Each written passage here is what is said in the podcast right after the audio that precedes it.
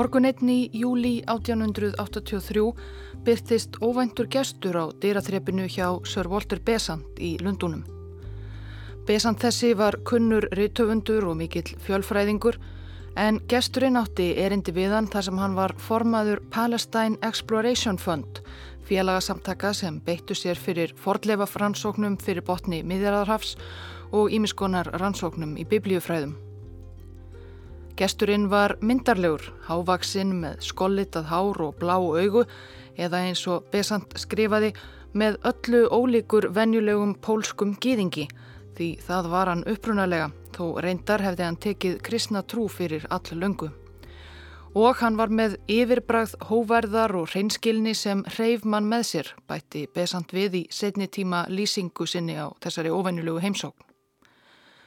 Gesturinn, Moses nokkur Shapira, saði besant að hann hefði gert stórkostlega tímamóta uppgötun. Það var nokkuð sem hann var með, með sér í tösku úr teppadúk. Nokkuð sem myndi með orðum Shapira gera það verkum að allir biblíufræðingar heims yrðu að endur skoða fræði sín. Nokkuð sem myndi kollvarpa skilningi okkar á henni helgu bók. En hvað var það? Það vildi Shapira engan veginn gefa upp fyrstum sinn þó hann væri komin þarna á dýraþrepið hjá einum helsta áhrifamanni breyta í biblíufræðum. En það fór Volter Besant að gruna að þetta væri einhver lottari, skólhæriði gesturinn með bláu augun og hann krafðist þess að fá að sjá innihald töskunar sem hann hjælt á. Að lokum let Móses Sjapira því undan og opnaði töskuna og það sem hann dró upp úr henni fekk Sör Volter Besant til að grýpa andan á lofti.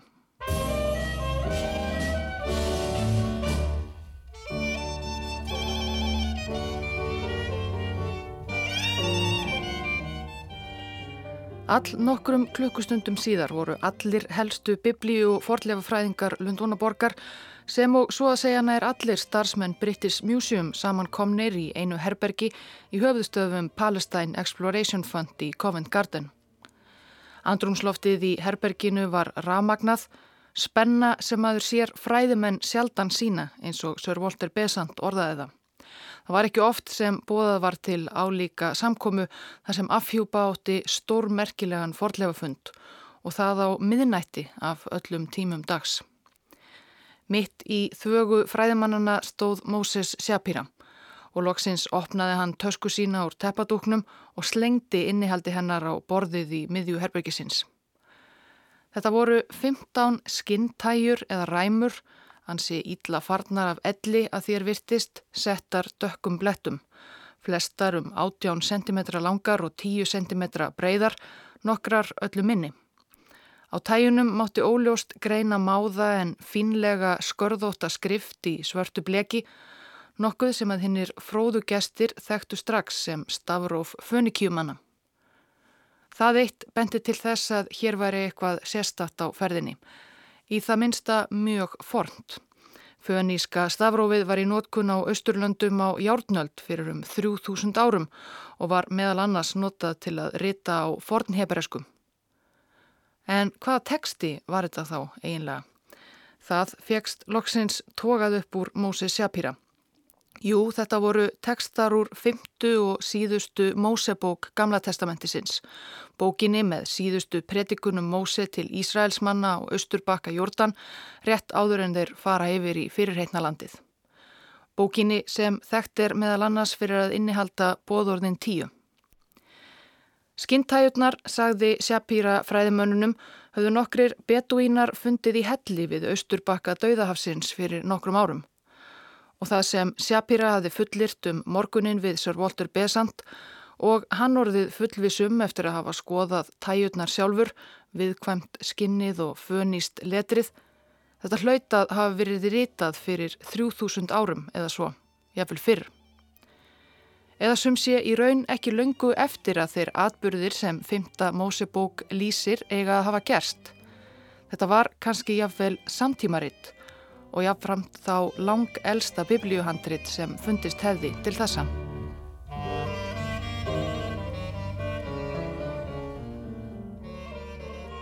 Fræðimennir lögðust spendir yfir ræmurnar á borðinu.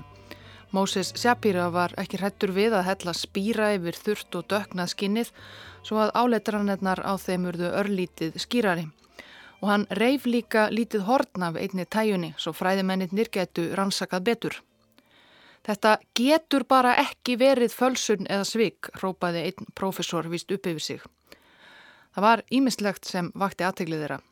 Þessir vísu menn kunnu jú flestir hebreskan frumteksta 50 mósebókar svo að segja utanað og þekktu þarna ímsa kabla. En þó, þetta var ekki orðuréttur sá teksti sem þeir konnuðust við gat verið muldröður að þetta væri eldri útgáfa, að tekstanum hefði verið breytt einhver tíman á síðustu 3000 árum. Væri þetta jáfnveil þá hinn upprunalega útgáfa tekstans? Þetta var á geti hlustandi sumsi árið 1883 og rannsóknir á sögu biblíunar og tekstafræði voru á nokkuð öðrum stað en þær eru í dag. Fræðimenn voru rétt að byrja að líta með gaggrínum augum yfir texta hinnar helgu bókar og það þótti enn nokkuð umdeilt að efast um að kannski væri þetta ekki 100% guðs orð sem staðið hefði óbreytti gegnum aldirnar og árþúsundin. Aðeins örfáum árum áður hafði skoskur guðfræðingur William Robertson Smith verið ákjærður fyrir guðlast fyrir að hafa viðrað slíkar skoðanir í grein í alfræði orðabók. Smith hafði þá meðal annars haldið því fram að femta Mósebók væri að líkindum miklu yngri en talið væri, í raun skrifuð mörgum öldum eftir dauða Móse. Þeirri kenningu í vil nefndi hann ímsar ástæður, meira um það síðar, en hér var kannski einmitt komin sönnuninn um hitt gagstæða. Það sem virtist vera æfa gömul femta Mósebók. Hvað um það? Eitt var alveg á tæru. Móses Shapira ætlaði sér að fá borgað fyrir skintæjurnar. Hann var komin með verðið. Miljón sterlingspund vildi hann fá, hvorki meirann í minna. Það var eitthvað í líkingu við 30 miljardar íslenskara króna á núverði, algjörlega óheirt verð fyrir forngrip á þeim tíma, jafnvel fyrir eitthvað sem myndi kollvarpa biblíusögunni eins og hún laði sig.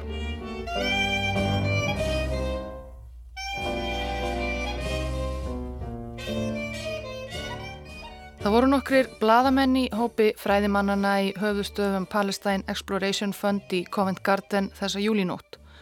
Þeir byðu ekki bóðana að skrifa um þennan mögulega heimssögulega viðburð sem markamindi nýjan skilning okkar á henni helgu bók og á einni nóttu var Moses Shapira orðin frægur maður í Lundunum og víðar. En svo bara nokkrum mánuðum eftir fundin í Covent Garden var Moses Shapira látin fallin fyrir eigin hendi og hvarvetna útrópaður sem svikari. Það almennt viðurkend staðreind að skintæjurnar hans væru ekki 3000 ára 5. mósebók fyrir fimmura. Þetta hefði allt verið svindl. Eða já, það var almennt viðurkend fram til um 1947. Það var þá eins og diggir hlustendur í ljósi sögunar ættu að kannast við úr fyrir þáttum sem að nokkrir ungir beduínapiltar í hefbundinni geitaleit fundu æfagömul skinnhandrit í hellum við strönd Dauðahafsins, jú sjálf Dauðahafshandritin. Það voru meðal annars rítur biblíunni. Að þau væru ósvíkin leik eiginlega aldrei nokkur alvöru vafi á og að þau væru æfa forn en það hafa þau núna verið rannsökuð í bak og fyrir og teljast einn verkast í forlegafundur sögunar. Þarna upp úr 1947 voru svo einhverjir sem rifiðu upp þessa gömlu sögu sem hér hefur verið rakin. Gata kannski verið að skintæjurnar hans Moses Shapira sem hann fullirti jú að hefðu fundist í hellum við dauðahafið alveg eins og handreitin frægu hefðu kannski verið af sama meiði. Hafði Shapira kannski fundið fyrsta dauðahafshandreitið meira en hálfri öll fyrr hafði hann kannski verið hafður fyrir rángri sök allan þennan tíma. En þegar þessar kenningar kviknuðu þá var því miður ekki hægt að rannsaka skintæjutnar hans sjapira á nýjanleik til að taka af allan vafa. Því þá voru þær hortnar af yfirborði jarðar.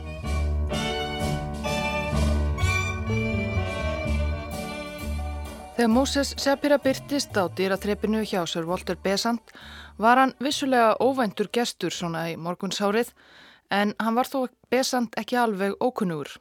Moses Shapira hafi lengi verið þekktur karakter í þessari senu, austurlenskri forlegafræði. Hann var fættur 1830 inn í pólskumælandi gýðingafjölskyldu í bæ þar sem þá var rúsnenska keisaradæmið. Um æsku hans vitu við lítið en hann var 25 ára gammal þegar hann hjælt af stað áleiðis til landsins Helga, Palestínu, þar sem gýðingar voru þá farnir að koma sér fyrir. Hann áði nokkra mánuði í Búkarest á leiðinni þar sem hann tók kristna trú. Á leiðarenda kom hann sér svo fyrir í Jérúsalem og gekk í trúarsamfélag ennsku biskupakirkjunar þar í borg og kirkjan útvegaði honum vinnu og húsnæði.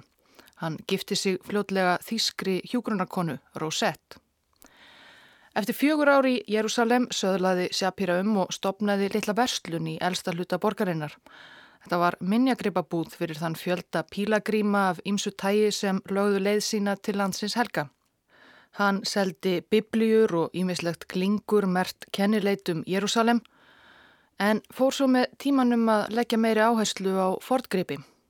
Túristatnir voru jú vittlausir í allt gamalt stöf frá landinu helga og Sjapira gatt selt ríkfallnar skruttur og brotin lerkir og annað fornt dót sem hann fekk betuínana og bændurna í nákrenni Jérúsalem til að færa sér fyrir örlittla umbun.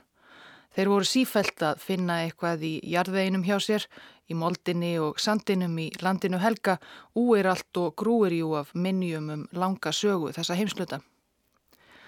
Forn og minnjagripaverslun Moses Shapira sló í gegn. Shapira var eldklár, það mátti hann eiga.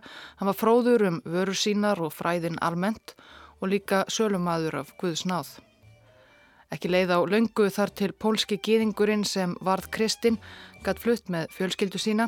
Hann og þýska kona hans Rosette egnuðust tvær dætur í glæsilegt hús í nýri hluta borgarinnar en það var hann fljótt orðin helsti fortgripasali í Jérúsalem.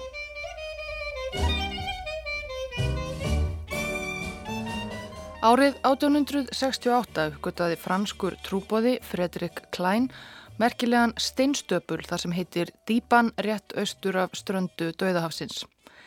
Já, reyndar voru það betuínarnir sem það ráku geitur sínar sem fyrstir fundu stöpulinn hálfgrafin í sandin. En Klein var fyrsti vesturlandabúin sem fekk að berja hann augum með þeirra leifi. Á steinstöplunum var áleitrun með sama stafrófi og á skintæjunum sem Moses Shapira síndi fræðaheimi Lunduna nokkru síðar fönísku eða forn hebresku. Og eins og fræðimenn komist að þegar steitnin komst loks í þeirra hendur var áletruninn smágerð og þjett áþekk því sem sjá má á rósettusteininum fræga. Hún var á tungu Móabíta, þjóðar sem bjó á þeim slóðum þar sem steitnin fannst til forna við austurbakka Dauðahafsins og eins og greintir frá í Gamla testamentinu allavega áttu í all tíðum erjum við hérna fornu Ísraelsmenn. Á Móabíta steininum reyndist ymitt lýsing á slíkum erjum sem Móab konungur að nafni Mesja hafði látið letra fyrir sig í stein. Steitt þessi er enn í dag okkar helsta heimildum tungumál Móabítana og fundur hans má segja að hafi hrundið á stað einskonar Móab æði í austurlenskri forlegafræði og fljótt varð einskonar miðpunktur Moab maníunar, fortgreipaverslun Moses Shapira í Gömluborg, Jérúsalem. Fortlefa fræðingar og söpn bitust um Moab stöpulinn og betuínatnir á svæðinu sem einu sinni hafi verið Moab sáu bersinilega hversu mikil verðmæti leindust greinilega á heimahögum þeirra í augum Vesturlandabúa og upp úr þessu byrjuðu þeir að færa Moses Shapira sem var jú helsti fortgripasali Jérúsalam borgar í stríðum ströymum ímsa fortgripi sem þeir fundu í söndum sínum og hellum. Það voru þessi hefbundnu steinbrot og leirker, jú, en líka talsvert af torkennilegum stittum sem enginn kannadist við að hafa síð áður ílaung mannsandlit með stór eiru og undarleg brós og tungurnar úti gerðnan og álkulegar naktar mannsfígurur stundum í hálf erotískum stellingum í með stýr og kvikindi og allt var þetta sett fingerðum áletrunum áþekkum þeim sem sjámátti á móabstöflinum. Sívaksandi Moab-sapn sitt síndi Móses Shapira stoltur öllum sínum gestum og bráðlega var ekki talað um mannað á kaffihúsunum í Jérúsalem en Moabísku gripina í vestlun hans. Þetta hlautjú að reynast ómetanleg heimildum forna menningu sem lítið var vitað um og það eina af þjóðunum sem talaður um í Gamla testamentinu. En meira krassandi var að jafnvel eftir að fræðimönnum hafi tekist að ráða í stafróf og tungumól Móabstöpulsins og þýða lofgjörðina um Mesja Móabkonung sem þar var að finna, þá reyndust áleitranirnar á grepum sjapýra þeim íllskiljanlegar eins og þetta gæti kannski verið eitthvað annað móabíst stafróf eða önnur málíska. Fræðimenn íðuðu í skinninu að ráða gátuna. Helstu stórveldi Evrópu höfðu barist um að fá móabstöpulinn sem á endanum komst í hendur frakka og lendi á Louvre í París þar sem hann dvelur enn. En hinn stórhuga Þískuríki sátu eftir með sárt ennið. Þar var mikill áhugi og hefð fyrir austurlenskri forlegafræði og þegar fregnir af móabísku gripunum í fórum Móses Shapira bárust vestur stukku stjórnvöldi Prúslandi til og kiftu snarlega af honum um 1600 móabíska muni til að sína á sínum söpnum og borguðu fyrir heila formúu. Staða Móses Shapira sem helsta fornmunasalans fyrir botni miðjarhafs var þarna rækilega innsikluð. Hann kifti enn fítni villu fyrir sig og fjölskyldu sína og fekk sér líka óveinulegt gæludýr, strút.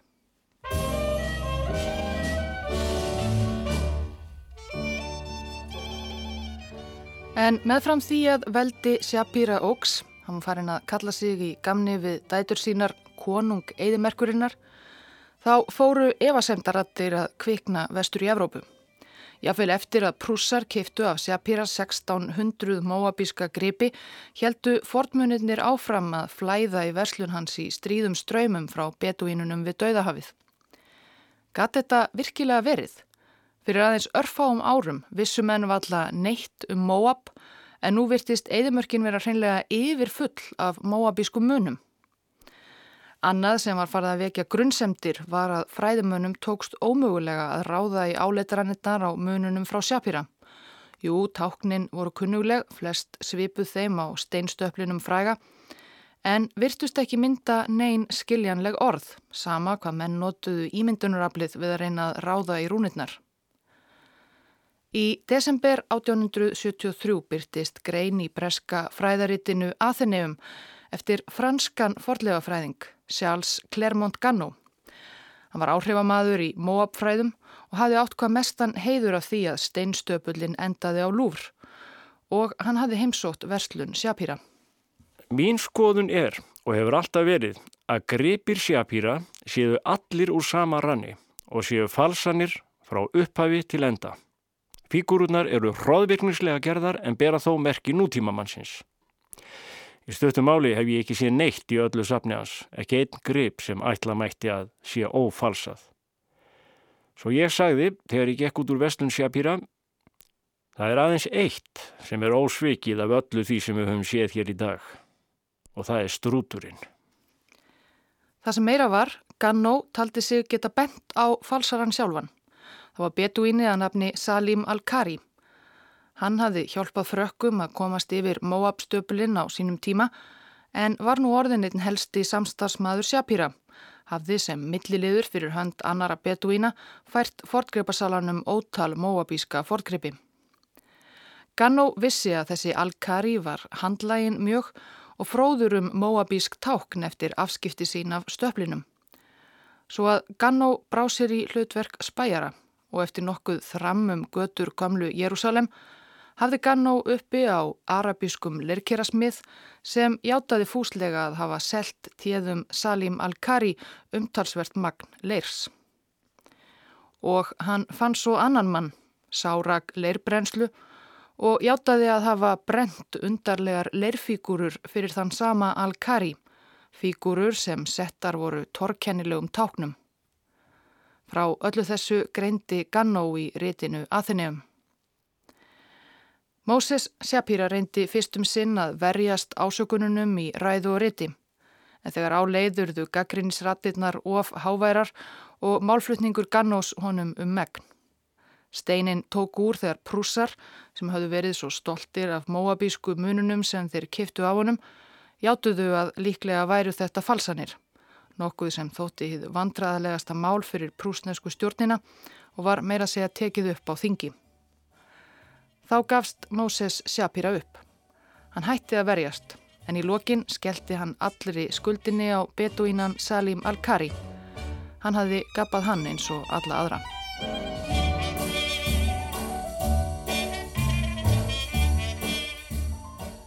Að sjálfsögðu þekktu allir sem voru í höfðustöðum Palestine Exploration Fund í Lundunum á miðinætur fundinum 1883 þessa sögu sem hér hefur verið rækinn. Að Moses Shapira sem hafði bóðað til fundarins hafði verið miðpunkturinn í einu allræmdasta fölsunarmáli sem hafði skekið austurlenskan fordlega fræði heim til þessa selt ómerkilegar falsanir fyrir fúlgur fjár og lifað hátt, hann, kona hans og börn og strúturinn auðvita. Undanfærin ár hafði Móses Shapira reyndar látið lítið fyrir sér fara að mestu. Hann sökk raunar í djúft þunglindi eftir að Moab skandalinn komst upp og misti marga viðskiptavinni. En hann dó aldrei ráðalus. Hann náði sér fljótt á stryk. Ekki síst því hann ákvaðað fara út í annan örlítið öðruvísi business. Upp úr 1877 þegar öllum var orðið ljóst að Moab munirnir voru ómerkilegar falsanir fór Shapira í Jérúsalem að selja umfram allt gamlar bækur og handrit. Það voru líka söluvænlegar vörur á þessum tíma. Næstu árin ferðaðist Shapira sjálfur víða um Östurlönd, fór meira að segja allarleið söður til Jemen og þefaði upp í gömul hebresk handrit og rollur sem hann seldi síðan pílagrímum, söpnurum og fræðimönnum. Sér í lagi átti hann góðan kuna í British Museum. Þar vildu sapnverðir Olmir stækka handritasöpn sín og virtust ekki hafa svo miklar áhyggjur af misjöfnu orðspori seljandans en það voru handritin sem hann seldi vissulega engar falsanir. Þannig tókst Shapira að hafa í sig og á næstu árin þó stórveldistagar fornmunaverslunar Moses Shapira væru kannski úti.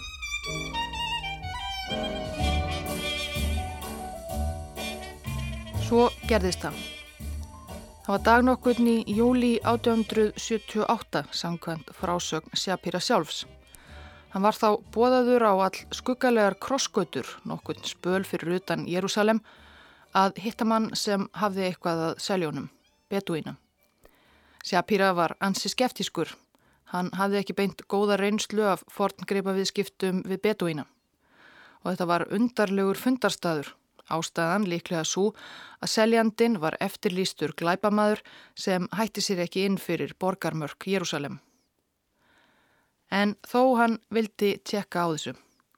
Og þegar beduínin dularfulli loks mætti á fundarstaðin, svo vildi til að hann hétt Salim, þó ekki falsarinn Salim Al-Kari, þá síndi hann Shapira nokkrar skítugar skintæjur sem hann saði félaga sína hafa fundið í helli ekki langt frá austurströnd Dauðahafsins. Þær hefðu fært finnendunum gæfu en væru engu að síður falar fyrir ekki sérlega háa upphæð. Sjapíra beit á agnið og fór að lókum heim með 15 tæjur. Þær voru svo ítla farnar að það tók hann óra tíma að reynsa þær og ráða í fingert letrið sem hann fann undir aldagömlum óhreinindum.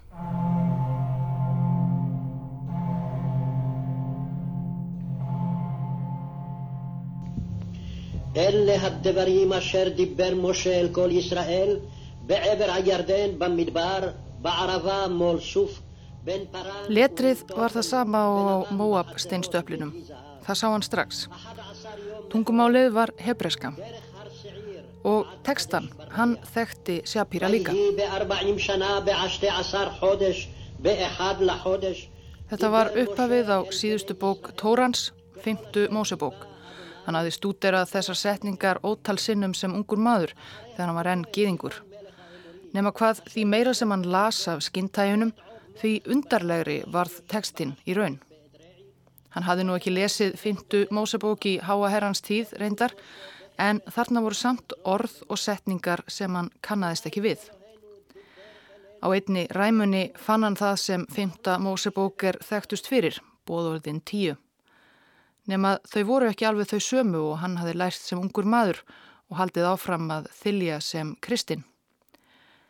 Það var nefnilega ellefta bóðorðið.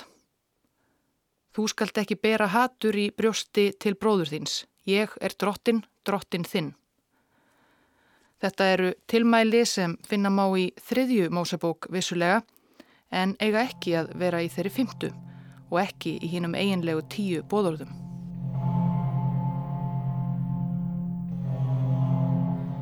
Lengi vel þótti það staðreind sem enginn efaðast um eða mátti efast um að Mósebækurnar fimm sem mynda upp af Gamla testamentisins væru skrifaðar af Móse sjálfum.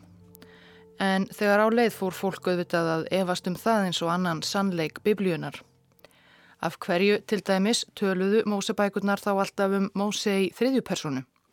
Hvernig gæti hann sjálfur sagt frá eigin útför í lokin á fymtubókinni? Og hvers vegna stendur hér og þar í bókunum 5 frasin enn í dag, eins og í þeirri síðustu, að engin viti enn í dag hvar gröf Móse sé að finna. Kanski smáatriði, en bendir jú nokkuð sterklega til þess að bækurnar séu ekki skrifaðar um leið og atbyrðinir sem þeir lýsa gerðust. Einu enn tók Móses Sjapira eftir þegar hann rindi í handritin sín um nafna sinn spámaninn.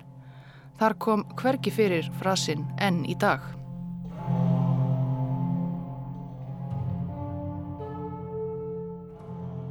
Þetta var fáránleg hugmynd auðvitað. Gatt verið að þessar skinnræmur væru svona gamlar, eldri en nokkurt biblíuhandrit sem áður hafi fundist. Lengi vel síndi Móses Shapira því engum það sem hann hafi keift af betuínanum Salím á krossgötunum fyrir utan Jérúsalem. Hann bar fengin undir einn fræðimann sem hann hafi álit á en sá hnussaði. Svo, samkant frásögn Shapira sjálfs, liðu ansi mörg ár þar til hann aðhafðist nokkuð meir. Hann hjælt áfram að ferðast um og þefa uppi handrit, ómerkilegri handrit, tórarollur frá miðöldum og jemenskar salmabækur. Það var ágætur business. En svo sumarið 1883 var tíminn kominn og hann kvatti konu sína á tvær dætur og strút og hjælt til unduna. Júlílokk 1883.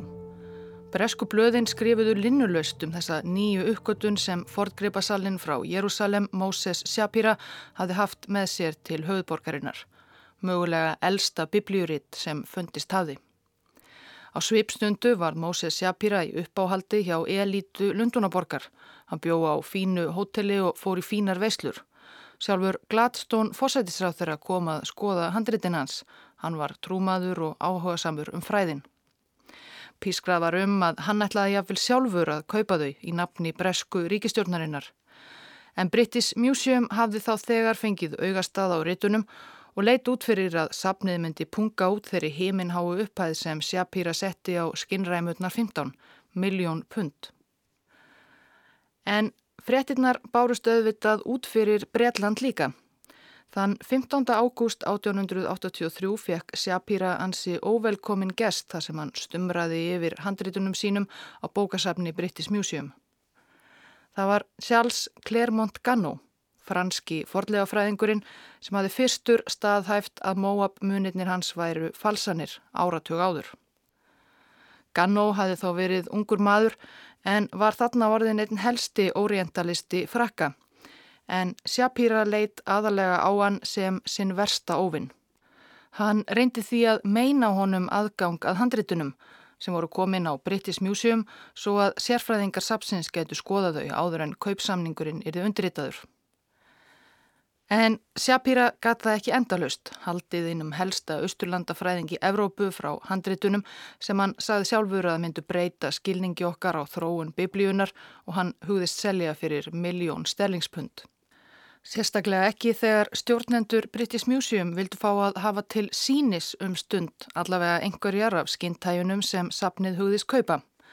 Svo að lokum fekk Charles Clermont Ganno að rína í tæjunar. Reyndar bara innan um hundruð anara gesta sem flyktust á sapnið til að berja þessi frægur ritt augum og í gegnum glerhjúp. En það reyndist honum alveg nóg. Hann var ekki lengi að skera upp dómsinn. Þetta voru greinilega falsanir. Það var augljóst, jafnvel í mannmerð og í gegnum gler. Þó svo að skinnið væri greinilega allfornt, þótti Gannó með að greina á þeim merki, eins konar brotalínur, sem bentu til þess að þetta væri í raun og veru bara afskortnar spásýjur af gömlum hebreuskum bókurállum. Shapira í nýju hlutverki sínu sem handreita sapnari og sali hafði jú aldeilis aðgang að þeim.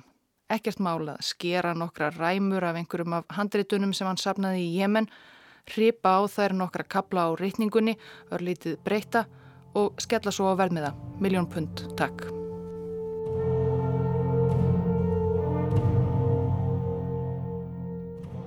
Gannó fór auðvitað með grunnsemdir sínar í blöðin. Þau hafðu jú verið uppfull af fjálglegum greinum um hinn byltingarkendu Shapira-handrit vikum saman en um leið og Gannó hafði kveðið upp dómsinn keftust þau við að láta eins og alltaf hefði verið vitað að þetta væri bölvað plat. Og fræðaheimurinn let svo knýjafylgja kviði aðeins síðar í ágúst. Þá skilaði einn helsti hebruskú fræðingur Breta, Kristjan Ginsburg, annar pólskur gýðingur sem snúin var til Kristinar Trúar vel á minnst, skýslu sinni til stjórnar British Museum. Hann var sá eini utanakomandi sem Shapira hafi leift að rína ítarlega og lengi í handritin undanfarnar vikur. En hans niðurstaða var eins afdráttarlaus og franska kollegan Skannó. Þetta voru falsanir. Greinilega afskortnir bútar af gömlum tórarollum sem höfðu verið meðhöndlaðir með einhverjum efnum til að láta þá líta út fyrir að vera enn eldri en þeir voru. Ginsburg gætt bent á alls konar smáatriði máli sínu til sönnunar.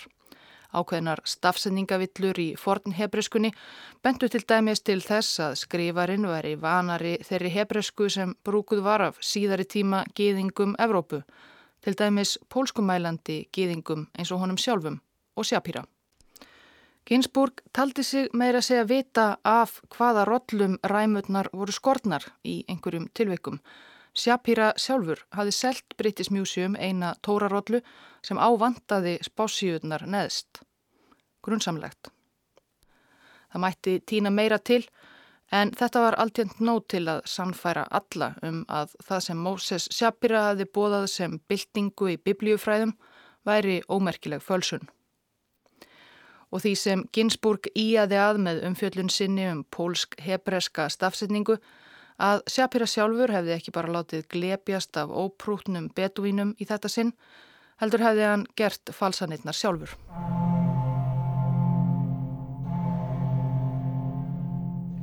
Kæri herra Ginsburg, þú hefur gert mig að fýbli. Ég held ég geti aldrei lifa þessa skömm af. Þó ég sé ekki enn sannfærður um að handritið sé fölsun nema þá að Monsieur Gannot hafi falsaða. Ég fer frá Lundunum eftir ein-tvo daga og fer þá til Berlínar. Þinn Moses Shapira. Moses Shapira stóð við orð sín í brefinu sem hann ritaði til Ginsburg eftir að Eva semtir hans um handritin byrtust í bresku pressunni. Í ágústlokk 1883 helt Shapira yfir á meginlandið en hann endaði reyndar ekki í Berlín heldur í Hollandi. Þaðan skrifaði hann enn eitt bref til Bretland sér til varnar en annars veitum við lítið hvað hann hafði stað. Annað en að eigða þeim litlu peningum sem hann átti eftir, það komi ju aldrei neinn miljón sterlingspund frá British Museum og ráfa að þér virðist stefnuleust milli Amsterdam og Rotterdam með fulla tösku af fornum hefuröskum handritum. Hann var alltjent ekki í miklum tengslum við fjölskyldu sína heima í Jérúsalem konu og dætur sem höfðu frétt af skandalnum í kringum skinnræmutnar og byðu ákaft fregna. Það er fenguloks fregnir á vormánuðum 1884 frá lauruglunni í Rotterdam. Þann 9. mars var laurugla kölluð út að frekar óásjálegu hóteli í borginni þar sem gestur nokkur hafði ekki komið út úr herbergi sínu í tvo daga. Einn laurugli þjóttn var sendur á staðin og hann þvingaði upp hurðina. Einan dýra fann hann hávaksin miðaldra mann, skólherðan og bláegðan, örendan með skotsára á gagnauga. Móses Shapira, 54 ára, hafði skotið sig í höfðið. Lauruglumenn báru hann því hann var með nokkur napspjöld á sér. Moses Shapira fortgripasali. Hann skildi ekki eftir neitt hinsta bref.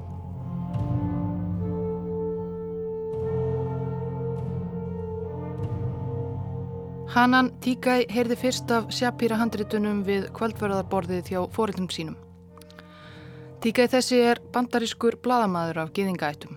Fadir hans, Jeffrey Tíkæ, er biblíufræðingur sem hefur sérhæft sig í fymtu Mósebók og leindardómar fymtu Mósebókar voru því ekkert óalgengt umræðuefni við kvöldverðarborðið.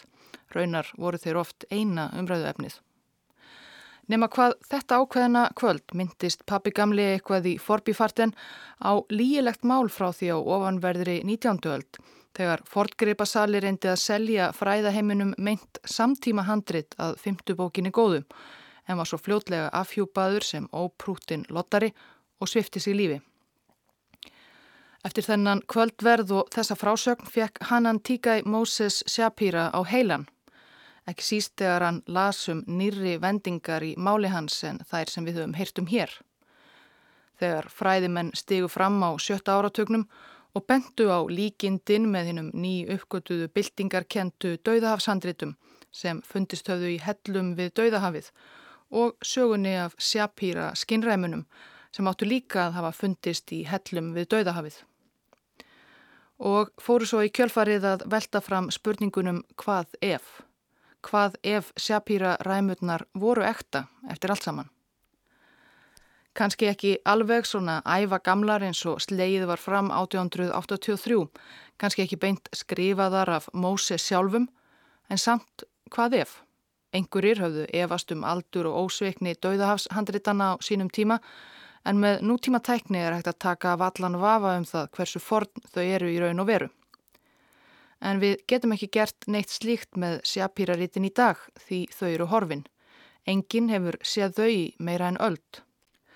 Eins og Hanan Tíkæ kom stað þegar hann fór að rína í málið þá tók sjapýra skinnræmurnar ekki með sér út í dauðan í Rotterdam.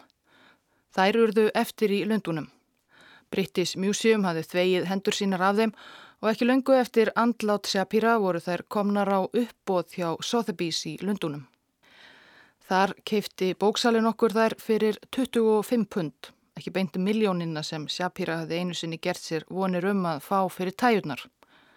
Nú voru þær aðalega kurjósur og 1887 voru þær síndar á síningu um sögu breskra gýðinga í Royal Albert Hall. Næst töldumenn lengi vel lendu skintæjurnar í sapni ensks ástralsks kvennsjúkdómalæknis Charles Nicholson að nafni.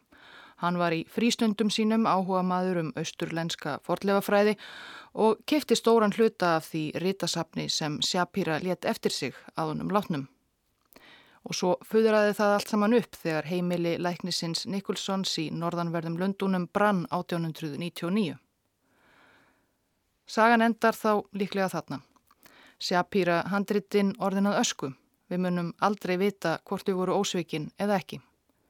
Eða hvað? Hannan Tíkæ, heldtekinn af þessari sögu, fann í breskum skjálasöfnum vísbendingar um að kannski hefðu handritinn alls ekki brunnið á heimili kvennsjúkdómalæknisins 1899. Hann hefði aldrei kift nákvæmlega þessi handrit. Svo samfærandi voru vísbendingarna raunar að bladamæðurinn varði nokkrum árum eftir einn örlaga ríka kvöldverð með foreldrunum í leit að þessum blettóttu skintæjum sem kannski voru bara afskortnar spásíur af jemenskum tórarollum og eintomt platt en þó kannski eldstu heimildir okkar um Guðs orð. Leitin bar tíkaði frá Bandaríkunum til Breitlands, Hollands og Ísrael í þýska smábægi og áströlsk útkverfi og frá henni er ítarlega greint í bókans Lost Book of Moses, bók sem er líkari spennubók en fræðibókum ríkfallin hebresk handrit. Ekki ætla ég þó að fara út í allan eldingaleikin hér, ég mæli með lestri bókarinnar. En í stuttumáli þá eru sjapýra handritin enn tínd. Og því er ekki enn, ekki fyrir víst, hægt að segja hvort þau voru fölsuð eða ósveikin. Líklega, jú, var Móses Sjapíra falsspámaður í orðsins fylstu merkingu. En þó er ekki hægt að slá því alveg, alveg föstu.